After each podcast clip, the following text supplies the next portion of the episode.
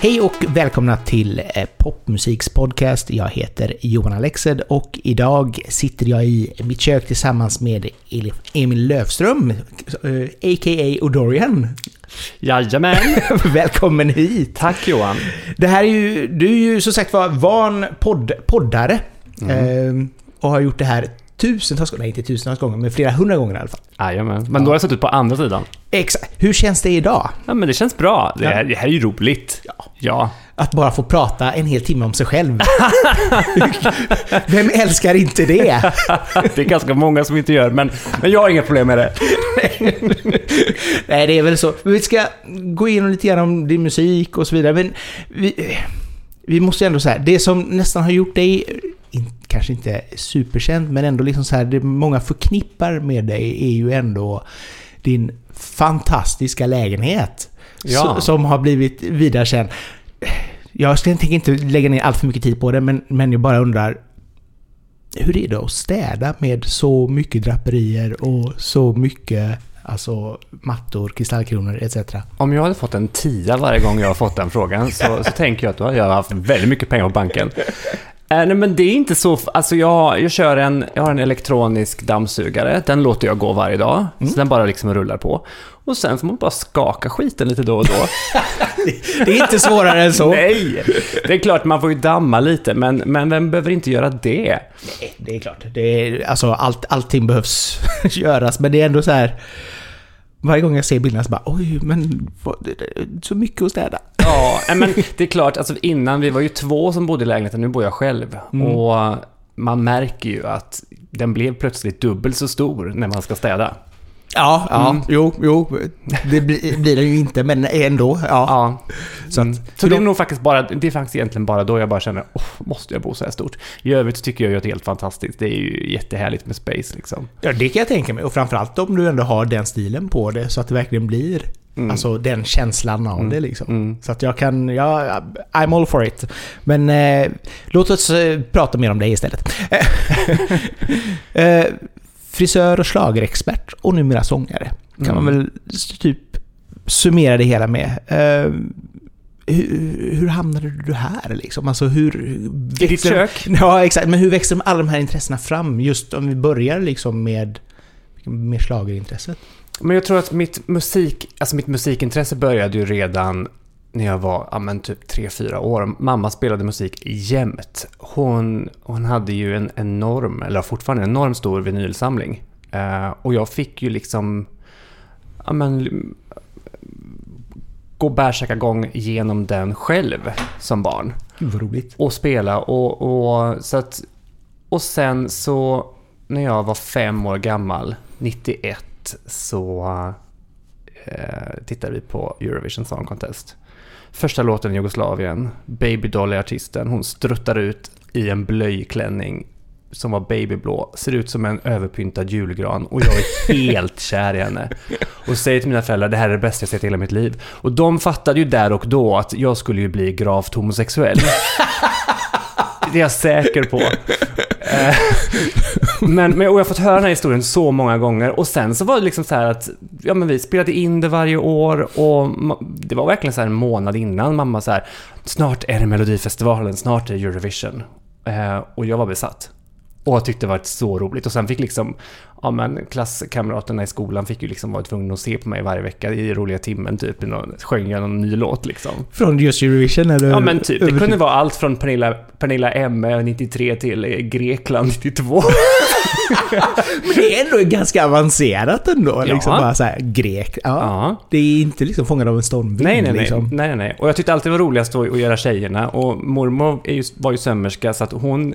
Alltså, ja, jag fick ju både låna hennes kläder och hon sydde ju upp saker till mig. Så att jag sprang där till roliga timmen varje vecka med ny utstyrsel. Und- vad sa lärarna liksom? Ja, men alltså, de måste ju verkligen... Ja, vilket tålamod de måste ha haft. Alltså. Jag vet inte, Nej, men det, de var väl lite så här... Det här var ju när man typ gick i ettan, tvåan och trean, så det var ju på lågstadiet. Mm. De... Nej, men jag tror att de ändå tyckte att det var lite kul. Ja. Fram- det här var väl deras sätt att typ fick få en liten paus liksom. Jo, men framförallt så var det ju så att då visste de att det alltid var någon som tog hand om Mm. fredags eftermiddagarna. För underhållningen. Ja, exakt. Jo, jag känner igen det där. Det var inte roliga timmen, det var Johans timme oftast, när jag gjorde det. Så att det var också så här... I, I think it's a gay gene. It must be. Men vad gjorde du? Alltså sjöng du då? Eller vad? Gjorde allt. Det var mycket så här... Eh, typ eh, sång, absolut. Mm, mm. Så man hade hittat någonting. Och så var det så här sketcher. Det var mycket så här... Tog, hade sett Galenskaparna Ja, eller någonting ja. och så bara gjorde man den eller Hasse och Tage eller Mm. vad det nu må vara liksom. Så Mm. det var ändå liksom så här... Ja, små, små sketcher liksom Mm. som man körde igenom. Så att det var ju jättekul. Så drog man med sig sina vänner och vi gjorde... Vi skrev om bland annat eh, Magnus Uggla, Jag mår illa. Eh, till, och så satte vi vår lärare som, istället för Disco Kaj så var det då eh, vår lärare Ja, som, ja. som blev där och så gjorde vi om texten. Ja. Jätteroligt! Eh, och man kom till och med fortfarande ihåg låten liksom. Så, Ja. att, så att, ja absolut, det var mycket av den varan även hemma. Så att jag kan väl tänka mig att de... På den, det här är ändå så här tidigt 80-tal så att det är ju några år tidigare före dig. Men, men det är ändå liksom så här... Jag tror nog att lärarna tänkte nog också samma sak där. Att oj, ja, det här är... It's a gay one. Antar jag i alla fall, jag vet inte. ja. Men... Men för, för, som du pratar på det här med, med Eurovision, det är ju också en sån här... Var du, blev du också lika upprörd när Eurovision-fanfaren kom och det helt plötsligt var skidåkning? Ja, fy fasen. Det var ju, ja, ja, vad roligt att du tar upp det. Ja, det har jag inte ens reflekterat över i vuxen ålder, men ja, jag var jätteupprörd. Man bara tänkte det så här, ja, Ja. nu är det äntligen Eurovision. Nej, skidåkning. Och jag var också så sjuk, fortfarande, jag kan ingenting om sport, tycker det är så tråkigt. Så att, eh, ja, det var verkligen, ja, jag minns att jag blev jätteupprörd. Du kommer från Dals-Ed, Dalsland. Mm. Hur... Hur gay är det? Eh, på en skala 1 till 10, minus 3. Ehm, nej men det, alltså det var ju jättetufft att växa upp där som homosexuell. Mm. Ehm, och just att, precis som vi pratade om innan, att folk fattar innan man själv. Jag tror inte jag förstod kanske förrän jag gick i åttan, nian. Och alla andra hade fattat redan när jag gick i fyran. Så att jag fick ju höra varje dag att jag var bög. Och jag visste inte ens vad det betydde. Aj, Och ja. alltså på den tiden fanns ju inte... Det här är ju så länge sedan så Google fanns ju inte. Så att, jag, jag minns att jag en dag tog mod till mig och gick till biblioteket för att typ slå upp det i Nationalencyklopedin. Mm. Det fanns ju inte med där. Så att det bög alltså. Nej, nej, nej. Ehm, så att jag tror inte, och, och jag hade ingen storebror och ingen kusin som är äldre, så att jag, jag hade verkligen ingen att fråga. Jag vågade inte fråga någon vad det betydde. Så att, ehm, ja. Nej men det var tufft, det var inte roligt. Men, men hur Eh, tog du dig igenom det? Alltså, för jag menar, det brukar ju inte vara så att man kanske... Bara för att folk antar att man är bög så är det ju inte så att folk... Att man inte har vänner eller att man inte har ett kontaktnät. Eller hur, hur var den biten? Nej, men jag hade faktiskt inte så mycket vänner. Um, vi hade en jättenära kompis. Vi var verkligen jättenära. Um, men i övrigt så hade jag faktiskt inga vänner. Men jag vet vad? Jag, var inte, jag gick inte hem och var ledsen, utan jag gick hem och lyssnade på min musik. det är faktiskt sant. Alltså jag satt och pluggade låttexter och satt och sjöng och skrålade på, på, i, nere i källaren i mitt rum. Ehm, Så, du, att- var, du var loner men inte lonely, Mm, typ? Ja. Och jag visste väldigt tidigt att det här är inte my community. Jag Nej. kommer... ehm, jag hittade en sån här... eh, Man skulle göra en sån här bok om sig själv när man gick i fyran. Mm. Och då har jag skrivit så här... Då är, då är fråg, frågan... Var vill du bo när du blir stor? Och jag vet inte om det var jag, man skulle göra frågorna själv eller om läraren hade gjort Mm. frågorna åt en. Men då har jag skrivit, jag ska bo i Stockholm, Göteborg eller i London, för där får man vara som man är. Snyggt! Mm. Så att jag var ju redan där väl medveten om att här kan jag inte bo.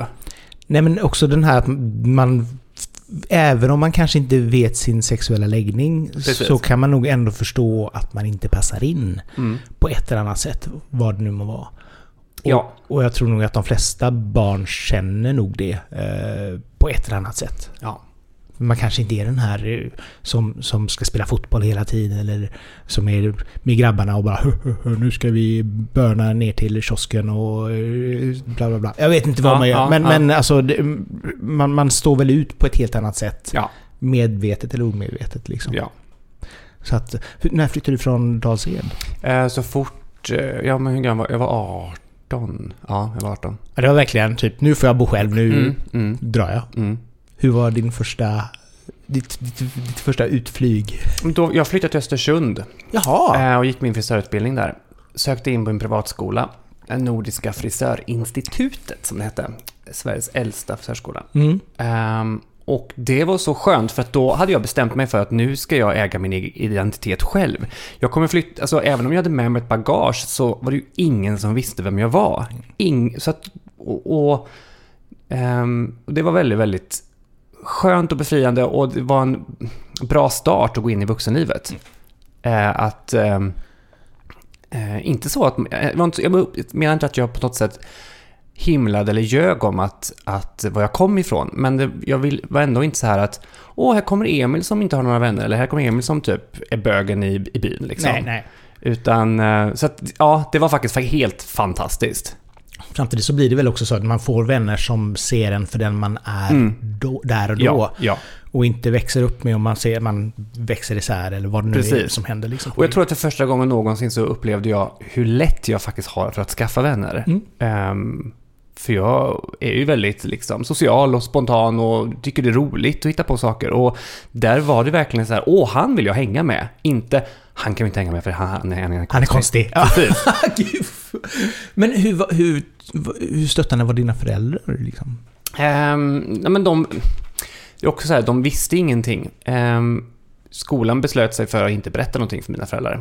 Eh, för att ja, men det, det säger väldigt mycket om hur mentaliteten var i Dals Ed på 90-talet. Och vad man tyckte om homosexualitet. Mm. Ehm, rektorn sa... jag kommer ihåg att rektorn sa Vi skickar dig till BUP. Och så säger vi inget till dina föräldrar. För då kanske inte de kommer gilla dig. Oj! Mm. Men varför skulle du skickas till BUP liksom? Ja, Men jag, jag hade ju psykiska problem. Okej, men var du, alltså... Var du extrovert, alltså som i jobbig för dem? Eller var du bara... Nej. De kunde inte hantera... Nej men de kunde inte hant- alltså Det var ju också att de ville ju flytta mig till en annan skola. Eh, för... Ja men det var ju, alltså det var ju, det var ju inte bara psykisk mobbning, jag var ju misshandel på skolan. Så den klassiska, man ska inte lös, lo, lo, lösa problemet med de som är problemet. Ja, utan vi precis. flyttar den Pre- som blir precis. utsatt. Ja, okej. Precis. Och lärarna, ja men jag kan bara dra en jätte... Det här tycker jag är det värsta exemplet. I, i skolan hade vi biologi.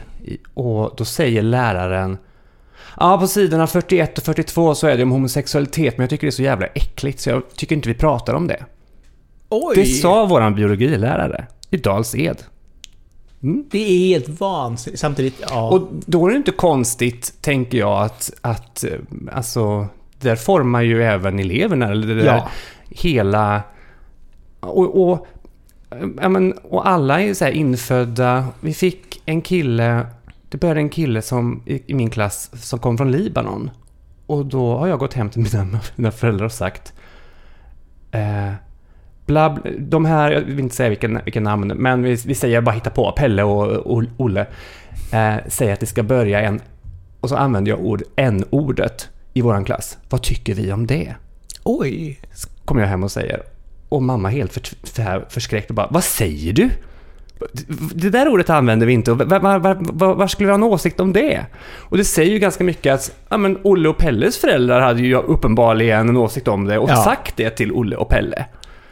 Eh, precis, för att vi lyssnar ju på våra vuxna Ja, runt omkring ja, oss. absolut, absolut. Men samtidigt så måste jag ju beundra dina föräldrar som verkligen sätter ner foten direkt och bara det ordet använder vi inte. Ja, och mina föräldrar hade haft ett väldigt stort problem annars för att de fick tre homosexuella barn. och, och min yngsta bror har down syndrom, så det blev verkligen en regnbågsfamilj med... eh, Nej, men, men det är också så här, det, det blir väl någonstans också ribban för att man får lov att vara Ja, den man är. absolut, absolut. Så att det är ju Absolut. faktiskt underbart. Så svar på din fråga, mina föräldrar har all, all, alltså 100% stöttning Mm. från den dag de visste om att, jag, att det fanns ett problem. Och som sagt var, hade du tagit upp om ditt problem, inom citationstecken, Mm, mm. eh, så hade de kanske varit ännu mer stöttande redan från början om Ja. skolan hade Ja. tagit tag i det. Precis. Då tror jag att då hade jag inte behövt gå igenom eh, grundskolan så som jag fick det. Nej, för jag menar det... Det, det, alltså även om man vet att ens föräldrar älskar en för den man är, det är alltid en, en någon form av spärr för man, är, man ser sig själv som annorlunda. Mm. Men jag tror också man skyddar ju sin familj. Det gör ju alla och, och jag såg nog det här att jag, jag måste skydda dem från det här. Ja, ah, okej. Ehm, Att du kände liksom att de ska inte behöva ja, stå ut med detta. ja. Ehm, det var nog inte det att jag tänkte att de inte skulle gilla mig. Det, det, det tror jag, jag tror inte jag tänkte så, utan det var nog mer att jag ville skydda dem från, från ja, och var så lite skam liksom. Ja, Vill inte att, man vill inte, jag har nog aldrig tyckt om att visa mig svag inför andra. nej. Ehm, Men samtidigt så är det, det är ju en svår balansgång ändå. Alltså just det här, man kan, det är någonting du inte kan göra någonting åt överhuvudtaget. Vad en galna människor säger. Eh, och det är den man är, Mm. punkt. mm, Och då får man ju bara leva med det. Ja. Och, och framförallt så får man som annan människa bara acceptera det. mm. Vilket i och för sig nu på 00-talet så känns det ju som om att det är lite bättre. Ja. Så att, eh, låt oss prata lite grann om eh, ditt musikintresse, hur det har vuxit fram. Eh, och lite grann om musikinspiration. Vi har ju en liten lek här i podden, eller lek, men eh, där eh, den som kommer tar med sig fem låtar, fem album eller fem artister som den vill diskutera lite grann om. Så jag tänkte vi skulle göra det. Så får du eh, berätta vilka artister, album eller låtar som har inspirerat dig väldigt mycket. Ja, men som jag sa innan, mitt, mitt musikintresse startade ju jättetidigt eftersom min mamma hade så stor, stort musikintresse.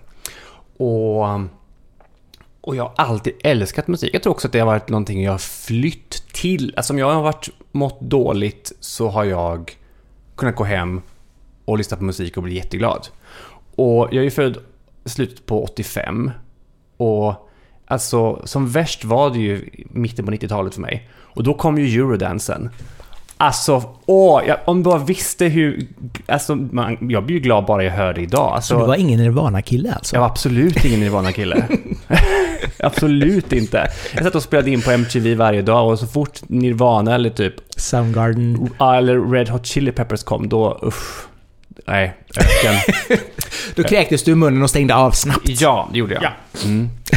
Nej, men jag tog det verkligen på orden, för när du sa att vi skulle prata om antingen fem låtar eller fem album eller sådär, och tänkte jag Åh, nu ska jag, gå, nu ska jag gå till min lilla CD-samling som jag fortfarande har kvar. Yay. Eh, så jag tog med mig fem CD-skivor. Låt oss gå igenom och se. Det är inte många som tar med sig fysiska. Det händer ibland och det är väldigt roligt när folk gör det. Mm. Ska jag lägga ut de här eller? Ja, lägg, ja vi, du kan, kan vi gå igenom en och en. Det är verkligen, de har varit med länge ser jag. De är eh, lätt använda. Ja. Det kan man säga. Ja. Den här är till och med den första jag köpte. Och det är Army of Lovers. Army of Lovers, ja. Då kan vi börja med den kanske? Men jag skulle ju till skivbutiken och köpa Meatloafs. Eh, I would do anything for love. precis, Mm. den skivan. Eh, vad heter den? Bat, Bat Out of Hell? Part 2. Precis. Och var väldigt bestämd på att jag skulle köpa den för jag tyckte den låten var så himla bra. Den gick på MTV hela tiden och jag, ja, jag tyckte han var lite spännande. Och videon var fantastisk. Ja, den var verkligen fantastisk. Det var lite, lite skönt med odjuret. Eh, Mm, och det var min favorit Disney-film och är fortfarande. Ehm, kommer in där och då är ju den här skivan på hyllan. Och jag blev helt så här. Ja men, det här är ju 93. Måste det här vara.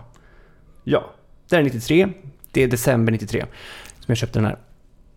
Och, ja men hur gammal var jag då? Sju år. Jag Ska jag var börja åtta år, tid. åtta år, Ja. åtta år gammal. Och så ser de här två brudarna med jättestora upptryckta pattar och två eh, homosexuella karar.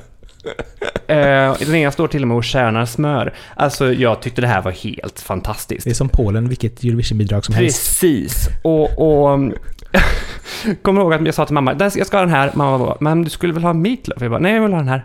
Jaha, har du hört dem? Nej. Nej, men det kanske inte du tycker är bra. Jo, jag älskar dem redan.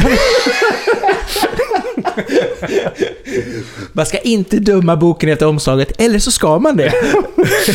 Så att den här skivan, ja men alltså, allt, jag kan alla låtar totalt, helt utan till. Alltså då kostade ju också en skiva, ja men de kostade ju men typ mellan 129 och 169 kronor. Ja. Det är ju inte klokt. Alltså då, det kostar en hel del, absolut. Jag är ju fortfarande... Det kostade liksom mer än att, att lyssna på hur många låtar du vill på Spotify i månaden. Ja, typ. Alltså jag var ju fortfarande så förvånad när jag hörde Crucify första gången och de bara... Och de här är svenskar. Man bara va? Det här låter ju så brittiskt. Mm, mm, Alltså mm, det lät mm. så långt ifrån svensk pop Mm, som mm, det bara gick på mm. den tiden. Mm. Även lite ryskt låter Ja, det. är mycket av allt, men, men det är hyster... Alltså, man får säga vad man vill om Alexander Bard, men, men musik. Ja, om någonting han kan så är det musik. Ja. I övrigt alltså, tycker jag ju att han bara är en bråkstake. Men, men alltså, han är ju fantastisk på att göra musik. Ja, ja, helt galet bra. Mm. Så den har gått varm sen dess. Ja. Köpte du någonsin Meatloaf-albumet? Ja, det gjorde jag. Det gjorde jag. Det är nummer tre. jag började också num- numrera dem efter, um, efter Arm of Lovers. Eh, så, och ehm, ja, det blev nummer tre. Ja, jag köpte den faktiskt eh, några månader senare. Mm. Och bara, det här var inte lika bra album Precis, som det var inte lika bra. singeln. Ja. Ace of Base var nummer två, kommer jag ihåg. Och, och det, det var en, en hård kamp mellan eh, att lyssna på Ace of Base och Army of Lovers. Det, jag tyckte det var lika bra bägge två. Kul ändå. Mm. Fast det är ju, ja, det är lite grann samma håll. Så att Cherry on Sound och eh, Army of Lovers. Eh, om vi går vidare ifrån Army of Lovers, vad har vi då? Ja, men då tog jag ju alltså ABBA-arvet. Mamma spelade ju ABBA jämt. Och Super Trooper var min favoritplatta av ABBAs. Ehm, jag tror att det berodde på, då alltså. Ehm, I vuxen ålder så tycker jag nog att det är Visitors, deras nästan sista. deras, um, de släppte ju en Voy- Voyage 2021. Deras riktiga sista kan vi Deras säga. riktiga sista, precis. Eh, Men Super Trooper tyckte jag, det var, den var, den var, den var den gladaste mm, skivan. eh, Oj! Upplevde jag när jag var liten. Kände du att den var glad? Ja, alltså jag kunde ju inte engelska så bra så att jag fattade ju inte riktigt vad eh, Super Trooper handlade om. Men det var ju ganska många, så On and On and On var ju glad. Ja, ja. Me and I var glad. Ja. Eh, The Piper, Lay All Your Love On Me. Ehm, ja. Det, Det här- var helt fantastisk skiva. Ja, The, The. Visitors var ju ändå absolut... The Visitors blev ju lite grann skilsmässoalbumet. Typ på alla plan. Mm. Men, men det hade ju redan börjat spricka i Super Trooper. Ja, precis. Eh, Mellan Agneta och Björn. Men eh, som du säger, fantastiskt. Alltså, tar man de tre sista ABBA-albumen. Mm. Jag ska säga att alltså det, är, det är som musikhistoria. mu- Alltså, Mm. Rakt igenom helt otroliga album. Ja. ja, men de första de gjorde är ju ganska spretiga. Det finns ju verkligen guldkorn på, på, på eh, ja, men till och med på Ring Ring och Waterloo, tycker jag. Ring Ring är ju ändå 50 år i år och Mm. det är nästan som en dansbandsplatta nästan. Mm. Ja, ja, ja, ja, det är faktiskt sant. Eh, Så, att- så att de har gjort en härlig resa kan man säga. Men de tog ju med sig lite dansband i I do, I do, I do på Ja. den här plattan från 75 också. Ja, det kanske inte är det bästa de har gjort. Eh, Men det här är bland det bästa de har gjort. Super Trooper, alltså mm. Happy New Year. eh, The winner takes it all. Ja, Hur många gånger har man inte gråtit till den låten? är helt otrolig. Mm. Så att, och framförallt, och det omslaget tycker jag är så Sjukt Jag tror snyggt. också det kanske var därför, alltså för att svara på din fråga, kanske var därför jag älskade det här albumet så mycket, för att det var så mycket att titta på. För jag hade ju då, det här var ju inte, nu, det är ju missvisande för att jag tog med en CD-skiva nu, Jo, det det var var, ju. LP-skivan som, som jag spelade när jag var liten. Med gatefold som man öppnar Ja, upp och så ja. var det... Ja, mm. Och, och det, det är så, ja, jag kommer ihåg att jag satt, och bara tittade på det här publikhavet. Och, och eh, ja. Och när man, idag vet jag ju att ja, men det där är Thomas Ledin. det visste jag ju inte då. Men, men jag tyckte det var mm, ja, fantastiskt. Och du bara, jag vill stå där i strålkastarljuset. Ja, ja. Det, Mm, det, Någon det, dag. Ja, det, det vill jag nog faktiskt. vem, var, vem var din favorit i ABBA? Det tycker jag alltid är så intressant att fråga. Jag är nog inte så mycket favoritabbor om jag ska vara helt ärlig. Alltså som har varit så här, man klädde ut sig till eller kände att man var...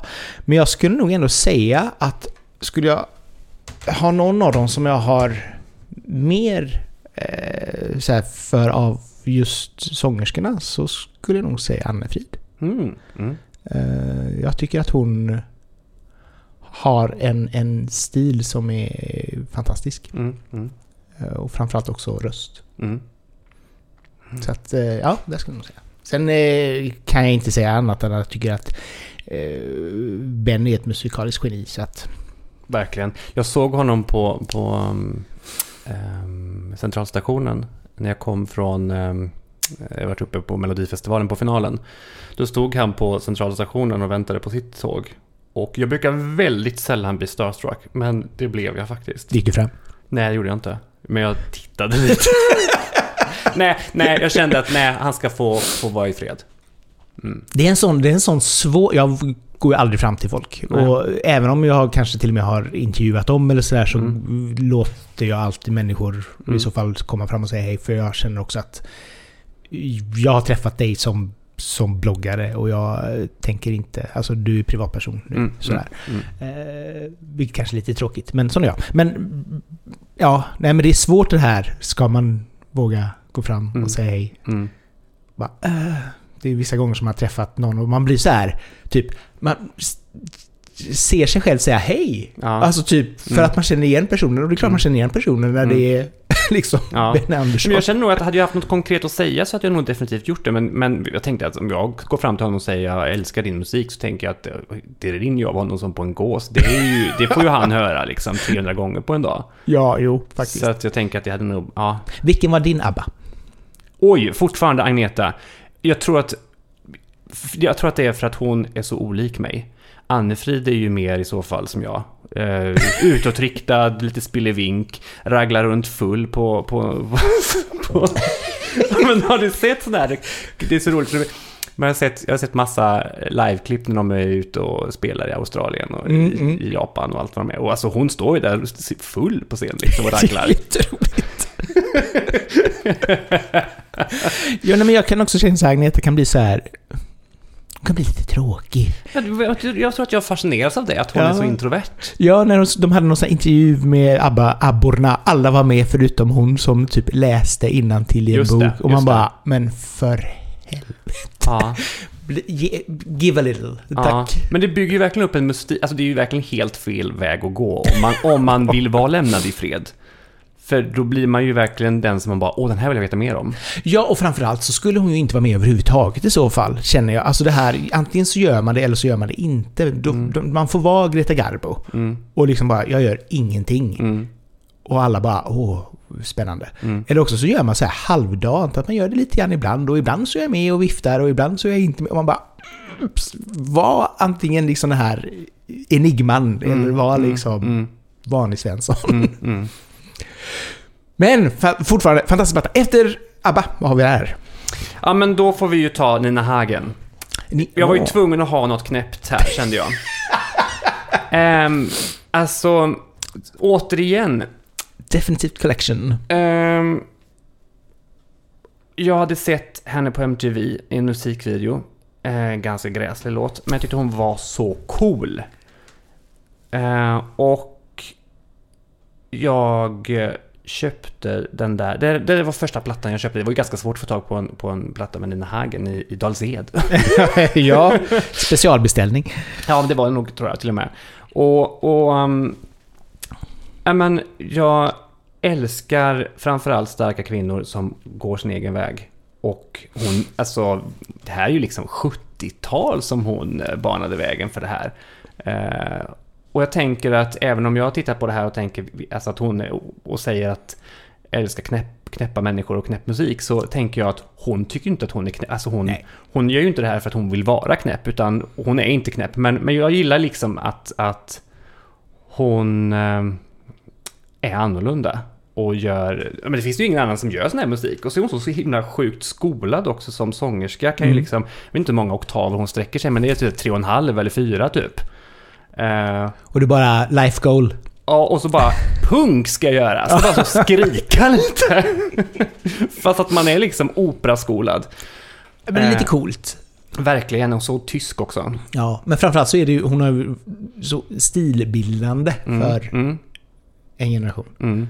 Som, eh, så att, ja, nej, ascoolt. Jag kan alldeles för lite om henne för att kunna säga någonting vettigt just nu. Men ehm, Jag tror att alla i min klass minns när jag kom till roliga timmen utklädd till Nina Hagen. det, det, det ryktet tror jag gick över hela Ed. oj, hur mycket spray hade du i håret? Frågar man sig då. Ja, Jag, jag hade en peruk. Hade jag. Ah! Ja, jag löste det på det sättet. Men däremot så tror jag att mammas smink såg sin sista dag den dagen. Hela paletten gick åt. Underbart! Nina Hagen, vad kommer efter Nina Hagen? Eh, men då, kommer den, då tänker jag att vi sparar det bästa till sist. Ja. Eh, då tar jag, bara för att det är lite kul att jag tog med mig den första skivan jag köpte. Här är den sista skivan jag köpt. Jaha! Eh, samlar inte på musik på, på, på, på CD. Nej. Eh, I längre. Jag gjorde det då. Eh, det är Novorish. Eh, ett band som lite tog efter vad Army of Lovers eh, gjorde. Eh, originalsångerskan var ju Dominika Persinski från början ihop med Ulrik Bärmsjö. Men hon lämnade ju projektet ganska tidigt efter andra singeln. Sen vet jag inte om hon sjöng så mycket egentligen. Det är en annan sak. Ehm, men då tog i alla fall en sångerska som heter Camilla Brink över efteråt. Mm. Eh, och det här tycker jag säger ganska mycket om det som vi gör idag med O'Dorian.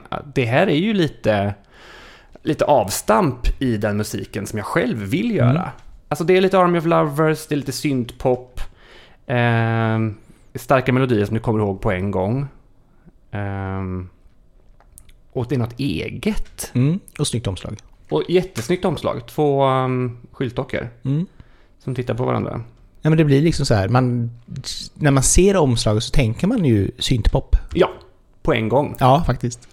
Ehm, ja, det Ja. gör man. Det har jag inte tänkt på, men det gör man faktiskt. Ja, nej men absolut. Det är jättesnyggt. Så att, eh, väldigt, alltså visage-ish. Och sen, ehm, så roligt också för att när eh, vi släppte första musikvideon eh, med O'Dorian, Go into the Mecca, så hörde faktiskt producenten av sig Jaha! i Novor, eller för det här projektet Novorish på Facebook. Och eh, frågade om jag hade hört hans band Novorish. Och man bara, eh, ja, det har jag. och han, för han kunde höra kopplingen. Han kunde höra liksom att men det här är ju typ lite vad vi sysslade med. Ja, liksom. kul! Ja.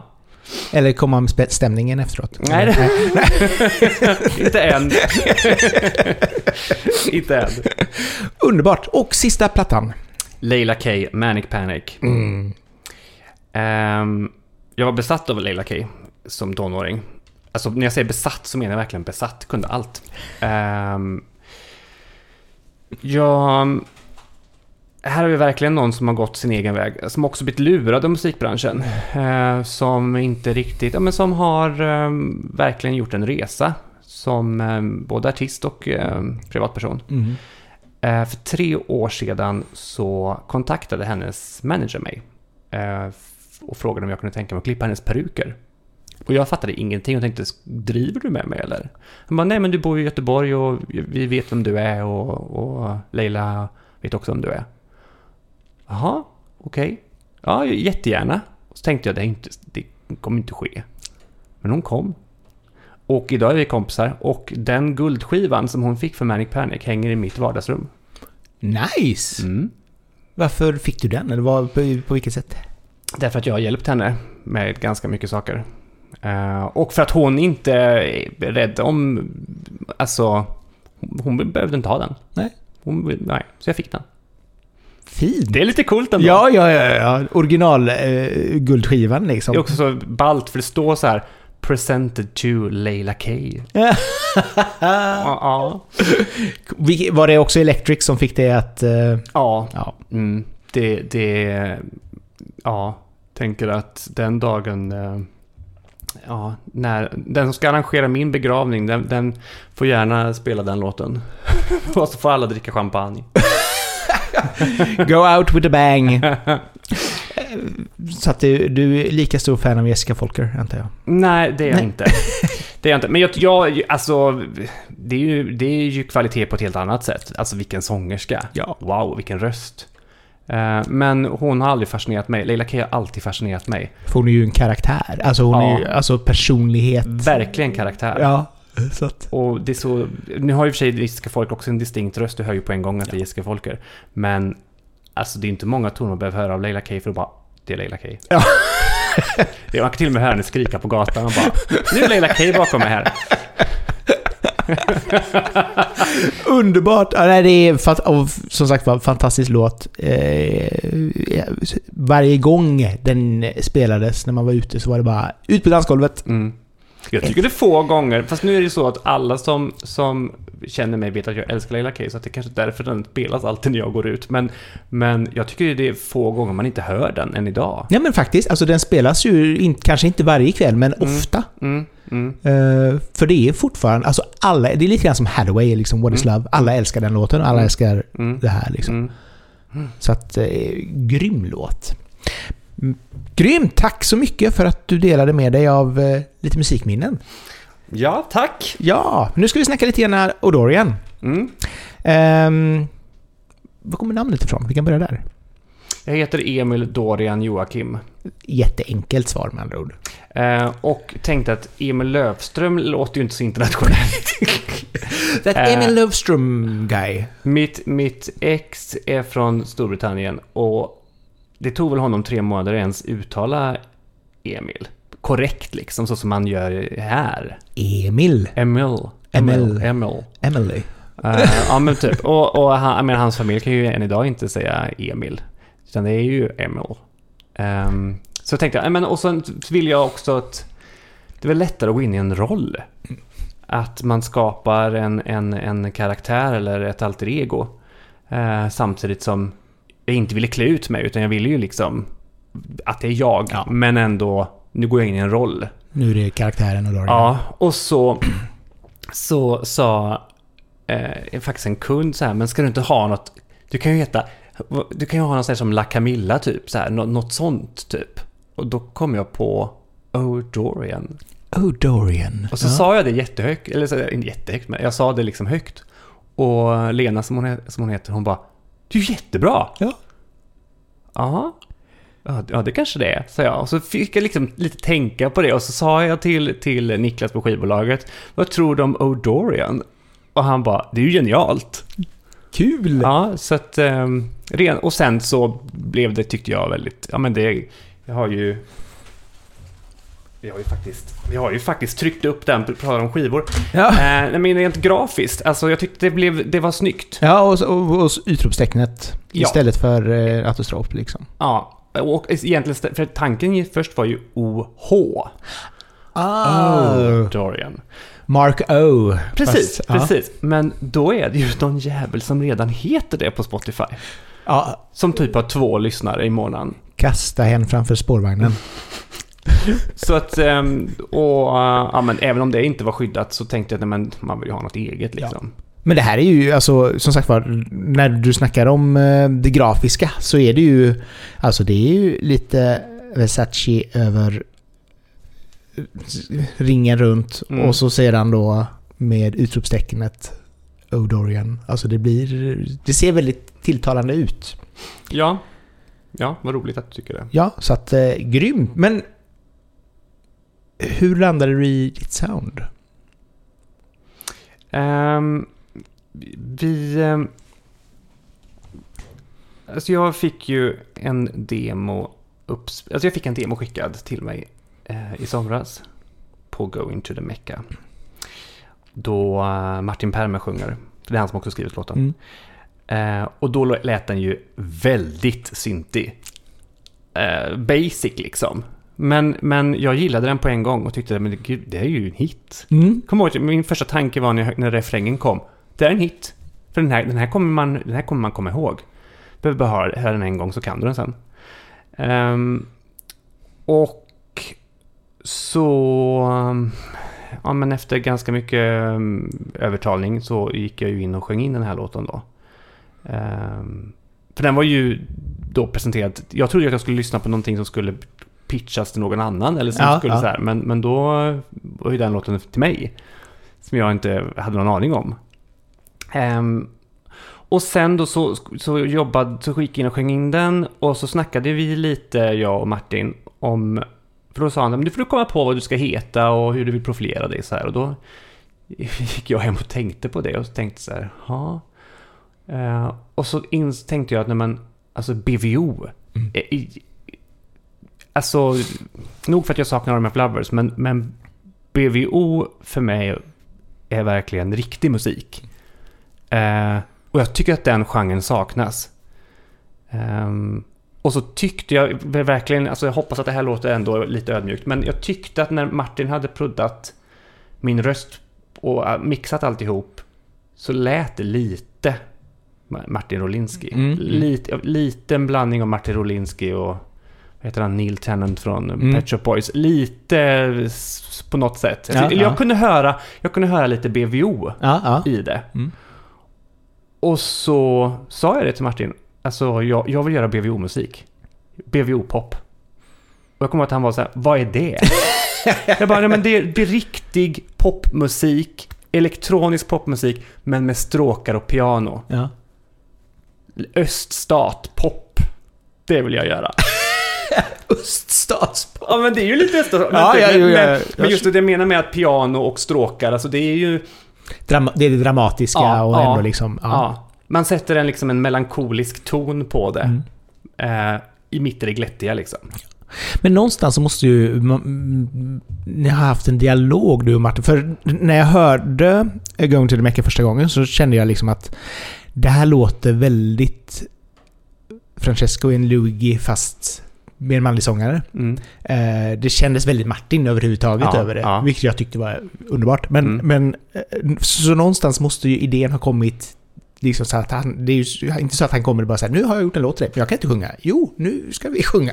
Alltså, någonstans måste du ju ändå ha eh, börjat med idén liksom att hmm, om vi skulle kanske ta och göra någonting.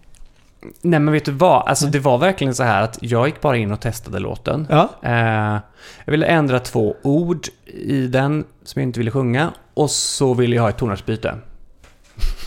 För jag tyckte låten behövde det. Eh, här kommer schlagerbögen. Ja, nej, men jag var så här, jag vill verkligen ha ett tonartsbyte. Jag tycker den behövde det, för jag tyckte Mm. den pågick lite bara Ja. efter när sista refrängen kommer. Så var jag så här, nej men här behövs ett tonartsbyte. Eh, och då fick jag igenom det. Och... Eh, men som sagt, det är ju Martin som har gjort den här låten. Mm. Eh, och nu har vi ju jobbat med ganska många låtar. Och jag jobbar ju även med andra producenter och låtskrivare. Och den här var så klippt och skuren för mig så att jag, det, var inte, det var ingenting och, och, som jag egentligen behövde ändra. Men med de andra låtarna så har jag ju fått vara med. Eh, och för jag har också känt att om man nu ska göra det här och tro på det här projektet, då vill jag verkligen göra min grej. Eller att det ska Mm, ja, det vara ska vara- min ja. grej också. Ja. För jag vill inte göra någon annans grej. För jag håller med att, att och många av de här demosarna som Martin, framförallt då om vi pratar Martin, att, som han har presenterat för mig, har jag hört i ett tidigt skede, men det här, det här, varför gör du inte det här med Francesca Luigi istället? Mm. För det, det här skulle ju ni kunna göra istället. Jag vill mer åt det här hållet. Mm. Ehm, ja. Ja, nej, men då är det ändå liksom så här att då... eh, Då har ni en plan lite grann för hur, hur du vill utveckla det. Och då Mm, känns det ändå som mm. om att... För, för du, som sagt var... Om, om det skulle bli en, en, en Francesco en Luigi-klon så kanske det inte hade varit lika roligt för dig heller. Utan du kanske också vill göra din, din grej med det. Och det känns som att det har du verkligen gjort med Ja. nästa singel och kommande singel. Ja, men precis. Och, och just att verkligen varit ganska så här... Eh, nu ska vi göra musik som vi själva tycker är bra. Mm. Inte vad vi tror att andra förväntar sig och vad de vill ha. Utan vi, vi ska bara gå på, tycker vi det här är bra? Kan vi stå för det här? Då, då, då, då gör vi det. Och framförallt så är det, som du säger lite grann, så det här att du saknar en BVO... Eh, du saknar BVO och det måste man ju ändå säga att det behövs ju den här typen av popmusik idag. För allting ska ju liksom vara väldigt polerat, det ska vara väldigt... så Mm. Visst, det ska vara lite retro. Det här är ju också väldigt retro, Mm. men det ska ju också vara alltså på en viss stil som... Det här tror jag nog kan tilltala just typ min generation och Mm, även din mm, generation som bara mm. varit med på dansgolvet på 90-talet och kände att Precis. det här är jättekul. Mm. Alltså det är, bara, det är bara rolig musik att Ja. dansa till. Ja, ja, Och det är det som behövs liksom. ja. Eh, Men du var med och skrev straight. Mm. Jag skriver texten. Ja. Hur, berätta, liksom så här, hur, hur var det att skriva? För du hade ändå skrivit tidigare har jag förstått på eh, Ja. ditt inlägg, men Mm. du har inte gett ut någonting. Nej. Men hur var det att sätta sig i den rollen? Liksom? Det var jätteroligt och, och demon på Straight gillade jag. De presenterade, alltså så här var det. Martin och Robert presenterade fyra demolåtar till mig efter vi hade gjort Going to the Mecca och så här, vad, vad tror du om det här? Och den låten var så här, den tilltalade mig på en gång. Jag gillade inte texten, men jag kände bara wow, det här är ju, det här, det här är jättebra. Det här är helt min grej. Ehm, och så frågade jag, men kan, kan jag få komma in och vara med och producera? Och kan jag få skriva om texten helt så den passar mig? Och de var så här, ja, kör. Ehm, och då... Jag kommer ihåg att original, originaltexten var, som jag behöll, var Moving Closer... Nu ska vi se, vad var det? Moving Closer to a crescendo. Och jag tog istället Coming Closer to a crescendo för jag tyckte det var lite roligt. Och så säger jag Coming. För det kan ju betyda, kan ju betyda två saker. Ehm, men... Och, den, och det var I can't give you a straight answer. Det var också, Mm. det var också kvar. Eller det var, det var också i originalet. Resten så ändrade jag alltihop. Eh, Men jag tyckte det var, det var coolt att som gaykille släppa en låt som heter Straight. Ja, ja, ja, ja. Man behövde ju inte tänka två gånger när man såg titeln att mhm, fyndigt. Ja, jag, jag, tyckte det var, jag tyckte det var jätteroligt. Ehm, men men ehm, processen, alltså... Nu jag vet inte hur många texter jag har skrivit, men, men alltså, för mig är det så här, helst vill jag få en låt utan någon text överhuvudtaget. Någon bara som trallar in melodin. Om det finns en topline så tycker jag det är bara nanna den bara. Mm. Och för jag, oftast brukar jag bara behöva lyssna på en låt en eller två gånger och så får jag så här, den här ska handla om det. Och sen bara, vum, säger det så kommer alla orden. Sen byter man kanske ut dem, men, Ja, men, men Vad är grunden liksom? ja, Mm. men ehm, jag tycker det är så roligt. Kul! Helt min, min ja, eh, aldrig eh, så att jag har, alltså jag har aldrig tänkt att jag ska skriva någonting och sen ska det ges ut. Men jag har alltid tyckt om att skriva. Så du har massa eh, texter Mm. i din mobildator? Jag har ett, jag har ett stort eh, Google-dokument.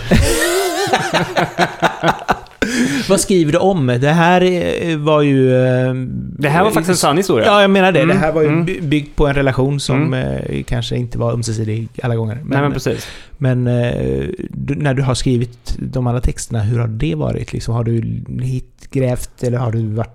Ja men det är ju lätt att alltså, bygga någonting på någonting man, man, man, har varit med om eller upplevt. S- och sen bygga det vidare på fiktion. Mm. Eh, så det är nog vad jag har gjort nästan... Ja, det, ja, det, det är olika. Alltså jag kladdade ihop en, en text igår som handlar om en hotline-tjej. och, och, Jag kallar och, den för växelhallå. Precis, precis. Annat ord för växelhallå. Eh, nej men det, det, ehm, det, det... Jag är ingen drömmare och jag tror att men här får jag liksom bara drömma iväg och kladda ner vad jag tänker. Och, och det är så roligt. Kul! Och det är, också, det är ju också något kreativt liksom. Mm. Jo, och framförallt så är det ju liksom du, Nu är du ju, i och med att du är frisör, så har du ju ändå ett kreativt sinne i dig Mm, mm. redan där, Mm. i skapandet. Mm. Vilket det trots allt är. Eh, och då kan jag tänka mig att det är ännu roligare också, eller lika roligt, att kunna få ur sig det i textform också. Mm. Ja. Och liksom kunna dra associationer, hitta liksom Mm. ja, synonymer, hej och hå, bygga Mm. upp en, en, en story som kan vara intressant att lyssna på. Ja. Men och jag tror också mycket att jag själv alltid, men som jag sa här innan vi gick igenom Army of Lovers-plattan. Alltså jag kunde ju alla texterna på den, eller kan fortfarande alla texterna, och tyckte det var så bra texter. Det var så här, här är någon som inte bara är smart som har skrivit det här, utan det är någon som ändå tagit sig tid. Mm, mm. Det är inte eh, love som rimmar på dove. Nej. För sånt spyr jag åt. Det spelar ingen roll egentligen hur bra en låt är och så är det liksom bara, bara nödrim eller man så här svammel, sjunger om ingenting. Nej. Per Gessle vilken dag som helst. ja, det är fantastiskt ska ju sägas. Alltså pop, pop eh, skapare men texter är väl... Men det är ju i och för sig samma sak med ABBA. Där finns väl också en del nödrim som man skulle kunna jobba med. Så kan man säga. Mm. Nej men alltså, man kan ju, alltså jag tycker verkligen att, ta Per Gessle, alltså han har verkligen gjort låtar som, men, alltså Joyride är ju en fantastisk låt, men när du väl börjar titta på texten så, då tycker jag det blir lite jobbigt. I, she said hello you fool, I love you, wanna join the joyride. Ja. Och så är det hela refrängen. Ja, ja, ja, exakt. Och det funkar Ja, för att det, det är så det. simpelt. Det är Mm. ju det som är hela grejen med lysande poplåtar. Mm, Alltså, mm. det är verkligen så här, du tar någonting och så klär du av det Mm. tills det är nästan ingenting kvar och sen bara så här, klart. Mm. För det är så här en bra Mm. poplåt ska vara Mm. liksom. Mm. Enkel text, enkel melodi, det ska sätta sig som ett tuggummi under skorna liksom bara, klart. Mm. Vad hoppas du med Odorian-projektet? Ehm, ja, alltså... Det hade ju varit jättekul om vi kunde få en hit utomlands. Det hade varit så roligt. Det hade jag verkligen... Ja, det... det om man får lite hoppas på någonting så, så... Det hade jag hoppats på. Italienarna verkar ju gilla den här typen av musik. Det verkar vara mycket så här, BVO fungerar där, Darin har fungerat bra där med sina Mm. poplåtar. Mm. Eh, Pet Boys vet jag ju fungerade bra där på 80-talet. Mm. Så det kanske är en sån Ja. Italien-hit. Italien-hit, ja. Ja. Men eh, hur, hur är planen framöver? Du har visat upp att du var i studion redan i helgen som var, men hur, hur, ja, hur mycket jobbar ni? Eh, men nu jobbar jag med tre producenter.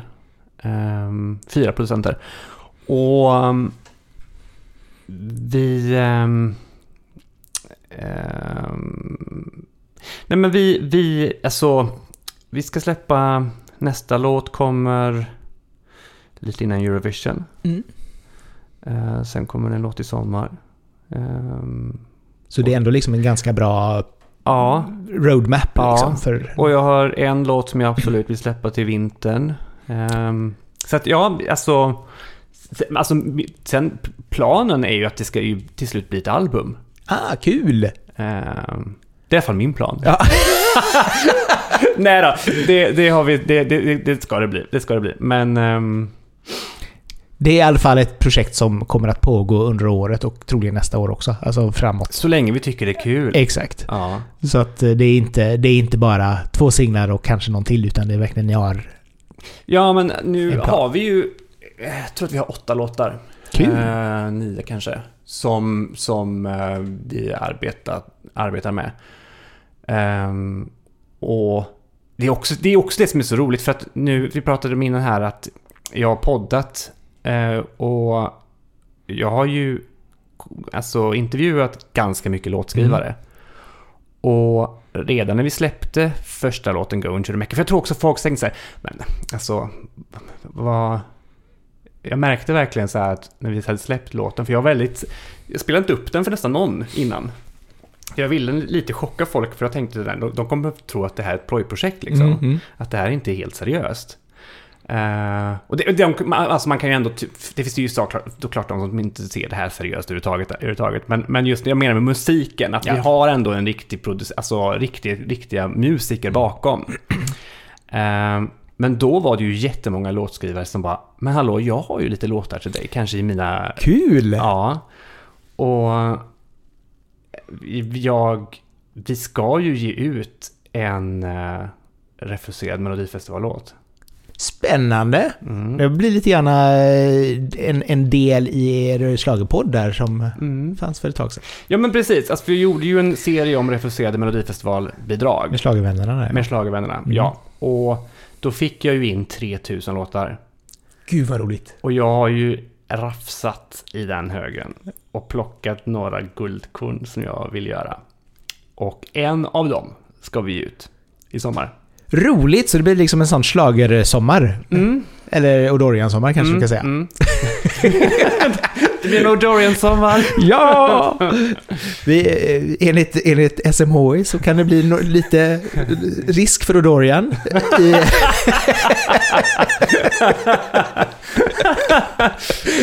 Vi får se lokalt över Gretas. Ja, Ja. det hade varit någonting. Men kul att det känns som att folk omfamnat det Ja, ja. projektet. Ja. Alltså det är ju, för det är ju också det som jag kan tänka mig var, vad, vad hade du, vad var liksom så här dina, hade du några för, vad heter det så här, farvågor innan så här, eller kände du liksom så här, ah det här kommer nog... Nej men alltså i och med att jag kunde stå för det på Mm. en gång. Ja. Eh, Och det har nog varit det som också varit så här, det har ju varit, framförallt varit viktigt för mig att, att jag måste kunna stå för det. Annars så, så vill jag inte göra det.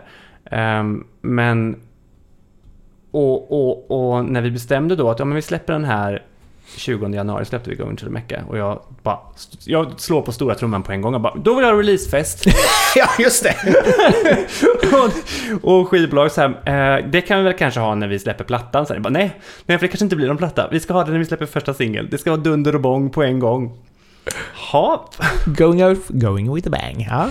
Ehm, så att, och, och ehm, nej jag vet inte, alltså. Men jag tyckte ju, alltså, men det är ju så med musik, det går ju aldrig, det spelar ingen roll hur bra låt du gör. Det finns ju de som inte ens tycker att Queen är bra liksom, Nej, eller, nej. eller ABBA. Eh, Så det spelar ju ingen roll hur bra musik man gör. Ah, Det kommer ju vara så att inte alla kommer gilla det ändå. Nej. Men, men... Och det bekymrade mig inte så mycket utan jag tänkte väl mer bara att nej, men det här gillar ju jag Mm. och det gillar ju... Ja men alltså alla i projektet tyckte ju att det här var bra. Så att ja, det är ju... Plus att det var så himla roligt och är så himla roligt. Ja, och sen är det också som sagt var alltid roligt när eh, nu eh, är ju Niklas lika galen i detta som jag själv, men jag älskar ju det här med, med massa remixar. Mm. Så att det är ju kul när det kommer liksom en hel drös med, med popremixer på, på låtar liksom. Så Mm. att, som verkligen hittar både genren rätt Mm. och liksom gör någonting ny- nytt och eget av det liksom. Mm. Mm. Typ som, som eh, Cliff Wedge Modern Talking version av Ja, den. ja, den Alltså- är ju helt fantastisk. Så att det är liksom så här, det, det är så roligt när, när, det, när eh, ja, man, man får hela paketet och man verkligen så här. Det är inte bara musiken som lite gärna slänger tillbaka en till, till 90-talet eller 00-talet utan det är faktiskt även mixarna som, Mm, mm. som omfamnar Ja, liksom Ja, det hela. ja. Så att jag tycker det är jätteroligt liksom. Eh, det ska bli sjukt spännande att, följa dig och se vad, vart detta tar dig. Eh, vem vet, det, det kanske är så att Odorian är med i eh, Melodifestivalen nästa år. Vem vet? Man vet ju aldrig någonting i förväg. Nej, det ska bli i alla fall spännande att se. Det har varit fantastiskt härligt att ha det här Emil. Och få snacka lite om dig, kring dig och med dig framför allt. Tack så mycket Johan. Till er som lyssnat, så som vanligt, eh, dela gärna avsnittet till era vänner och fiender så att de också kan lyssna på det. Det är alltid bra. Prenumerera på podden så får ni nästa avsnitt rätt ner i er poddapp.